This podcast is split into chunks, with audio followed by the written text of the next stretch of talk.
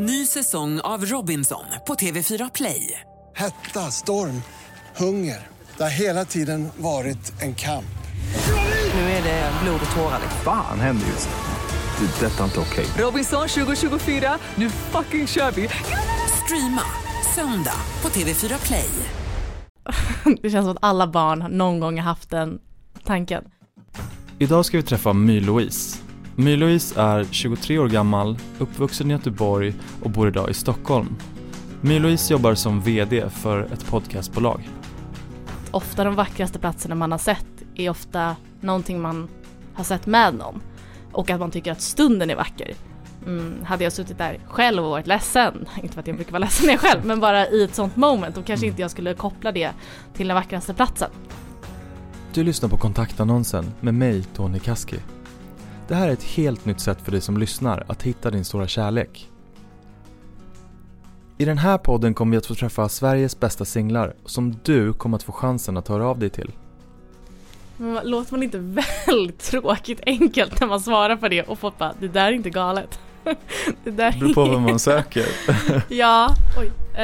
Um, åh, det är jättesvårt. Frågan har tagits fram av två psykologer med avsikt att bryta ner barriärer och komma på djupet fort. I slutet av varje avsnitt får du som lyssnar en mailadress och en ärlig chans att ställa dig frågan Är det här en person som jag vill höra av mig till? Vill du lyssna på alla avsnitt i första säsongen så finns de redan nu tillgängliga i Podplay-appen eller på podplay.se. Varmt, varmt, varmt välkommen My-Louise. Tack snälla. Jag tycker du har så himla fint namn. Tack. Ja, den... Jag får ofta höra frågor och eh, tankar om mitt namn för att man kanske inte har hört det innan. Nej. Eh, men tack. Känner du någon annan My-Louise? Nej, ja, jag tror att det finns tre i Sverige. Mhm. Ehm, Du, mamma och mormor? Ja, exakt. Vår familj är lite speciell. Så att nej, jag känner ingen. Nej. Eh, ska vi köra igång? Vi kör igång. Om en kristallkula kunde avslöja sanningen om dig själv, ditt liv eller din framtid, vad skulle du vilja veta? Jag vill nog inte veta saker, så här, hur många barn är det, vill jag ha barn, vill jag inte ha barn, kommer jag vara gift? Alltså sådana grejer känner jag inte ett behov av att veta alls. Men ehm, det är ju härligt att ha en bra känsla i magen att jag kommer ha ett bra liv. Det skulle man ju vilja veta. Finns det något du har drömt om att göra under en längre tid och varför har du inte gjort det? Jag har nog alltid drömt om eh, som ett riktigt klassiskt barn har jag drömt om att få göra musik och att skådespela. det känns som att alla barn någon gång har haft den tanken. Eh, och jag tror att det är en, jag har ganska många estetiska drag som jag hela tiden känner att jag vill göra och så gör jag inte det. Och så känner man sig lika dum varje år för att man är såhär, det är väl verkligen bara att göra. Ehm, och man tappar lite självrespekt. Mm. Eh, Men absolut, det estetiska i form av musik och skådespel, det hade jag tyckt var jätteroligt. Om du får välja vem som helst i hela världen, vem skulle du bjuda hem på middag? Nej men, alltså det är lite läskigt för det första som slår mig är liksom politiker och jag tänker folk som liksom Alexander Bard, bara för att jag har så mycket frågor och vill höra hur andra tänker.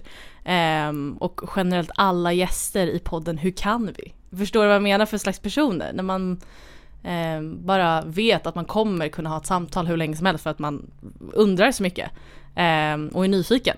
Mm. Så jag, exempelvis Alexander Bard, Mm. även om han är kontroversiell så tycker jag att det hade varit intressant. På tal om det, vem är den mest fascinerande människan du har träffat? Ehm, Ja men, ja men eh, jag vet inte, jag kanske hade svarat annorlunda om jag tänkt lite till men den som slår mig nu, bara för att det också var ett stadie i livet där jag eh, ville ehm, upptäcka Stockholm och vara ny här, så träffade jag Daniel Redgert som eh, i mångas ögon är ett PR-geni. Eh, och han tyckte det var fascinerande för att han och jag fick ett sånt fint möte eh, av att jag kom fram och liksom hallå, se mig, hör mig. eh, så han var fascinerande. Dela med dig av ett pinsamt ögonblick från ditt liv. Jag uppfattas ofta pinsam och att andra skäms för mig och åt mig. Men jag själv tycker aldrig att det är pinsamt.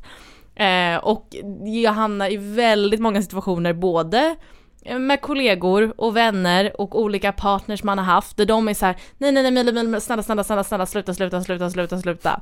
Men jag är så här, äh, men vad fan. Så att jag tror att jag har väldigt svårt att reflektera när jag verkligen skäms, för jag skäms otroligt sällan. Mm. Men många andra skäms för mig. Säg någonting som är väldigt viktigt för en potentiell dejt att veta om My-Louise.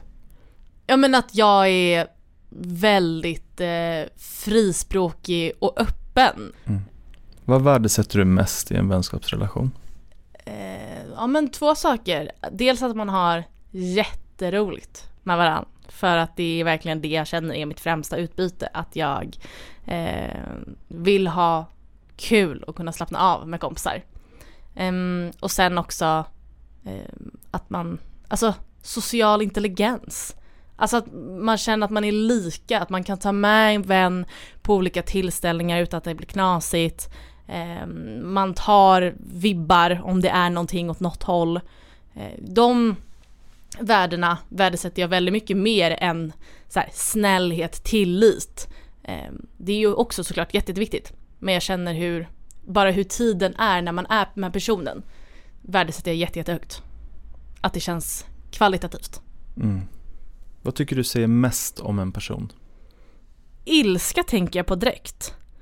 Um, om du blir väldigt arg väldigt enkelt eller tar till våld eller tar till psykiskt våld så tycker jag att det säger otroligt mycket.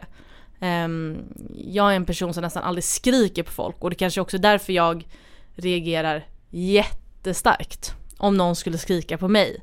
För då blir jag liksom nästan lite flyktaktig. Det blir så här, ah, ta mig härifrån. Ehm, det tycker jag säger jätte- jättemycket. Hur du hanterar din ilska. Jag märker att jag påverkas mycket av människors ilska. Hur de utför sin ilska. Mm. Hur ter sig din ilska? Jag är nog väldigt, ehm, alltså mer en grubblare som kan gå och störa mig på någonting väldigt, väldigt, väldigt länge. Och sen så kan nog mer falla åt den ledsamma sidan, att jag tar upp det men också blir känslosam själv. Av att jag blir ledsen av att både säga till den andra ehm, men också av att hela den stunden blir väldigt känslofylld. Ehm, och kanske lite rädd över hur den andra personen ska ta det. Så att jag är inte så gapig och skrikig men jag kan nog väldigt lätt ehm, Jag är ju mer en utvärderare eh, av händelser än en skrikare av Mm. händelser. Om det makes sense. Mm. Fyll i den här meningen. Jag önskar att jag hade någon att dela mhm med. Mina kvällar med, enkelt nog. Eh, jag är, har otroliga vardagar och det händer mycket hela, hela tiden. Men när man landar och reflekterar och kommer hem och sitter i en tom etta är verkligen först då man känner sig så här. okej, det hade varit väldigt mycket trevligare om man hade någon att dela hela sitt liv med som händer på sina dagar och kunna ventilera det med någon på kvällen. Eh, Det tror jag är det största behovet.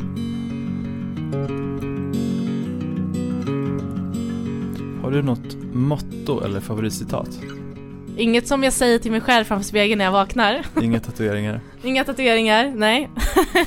jag är snarare den person som dömer andra som har citat. Alla ni som har citat, kroppen. you're out. Exakt. Ehm, men i, jag har ingen mening, men det finns ju säkert hundra meningar för bara vad jag känner och det är ju verkligen att gå på magkänslan och tacka ja istället för nej. Bara Mm. gå med den inställningen så kommer det bli så mycket roligare. Mm. Eh, Det känner jag väldigt, väldigt starkt. Vad tycker du är svårast med kärlek? Jag tycker det är svårast att se långsiktigheten. Eh, och jag har haft en relation i mitt liv och den tog slut eh, efter ett och ett halvt år. Och jag tycker att det är super, super läskigt.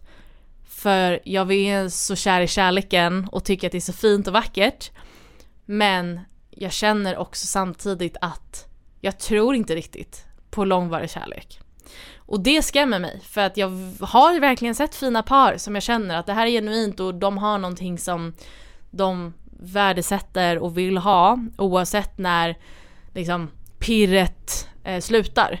Men för min del så är jag, är jag så kicksökande så jag kan nog bli lite nervös för mig själv. Att jag vet inte när jag kommer kunna hitta någon som känns så pass rätt att vi kommer vara tillsammans i tio år. Det är väldigt romantiskt att, att träffa någon och så bara vi ska vara tillsammans hela livet. Och, men det är också Det är också rätt så här, galet och en rätt absurd tanke. För vem är, vem är jag om tio år? Vem är du om tio år? Vi, vilka är vi tillsammans om tio år? Mm.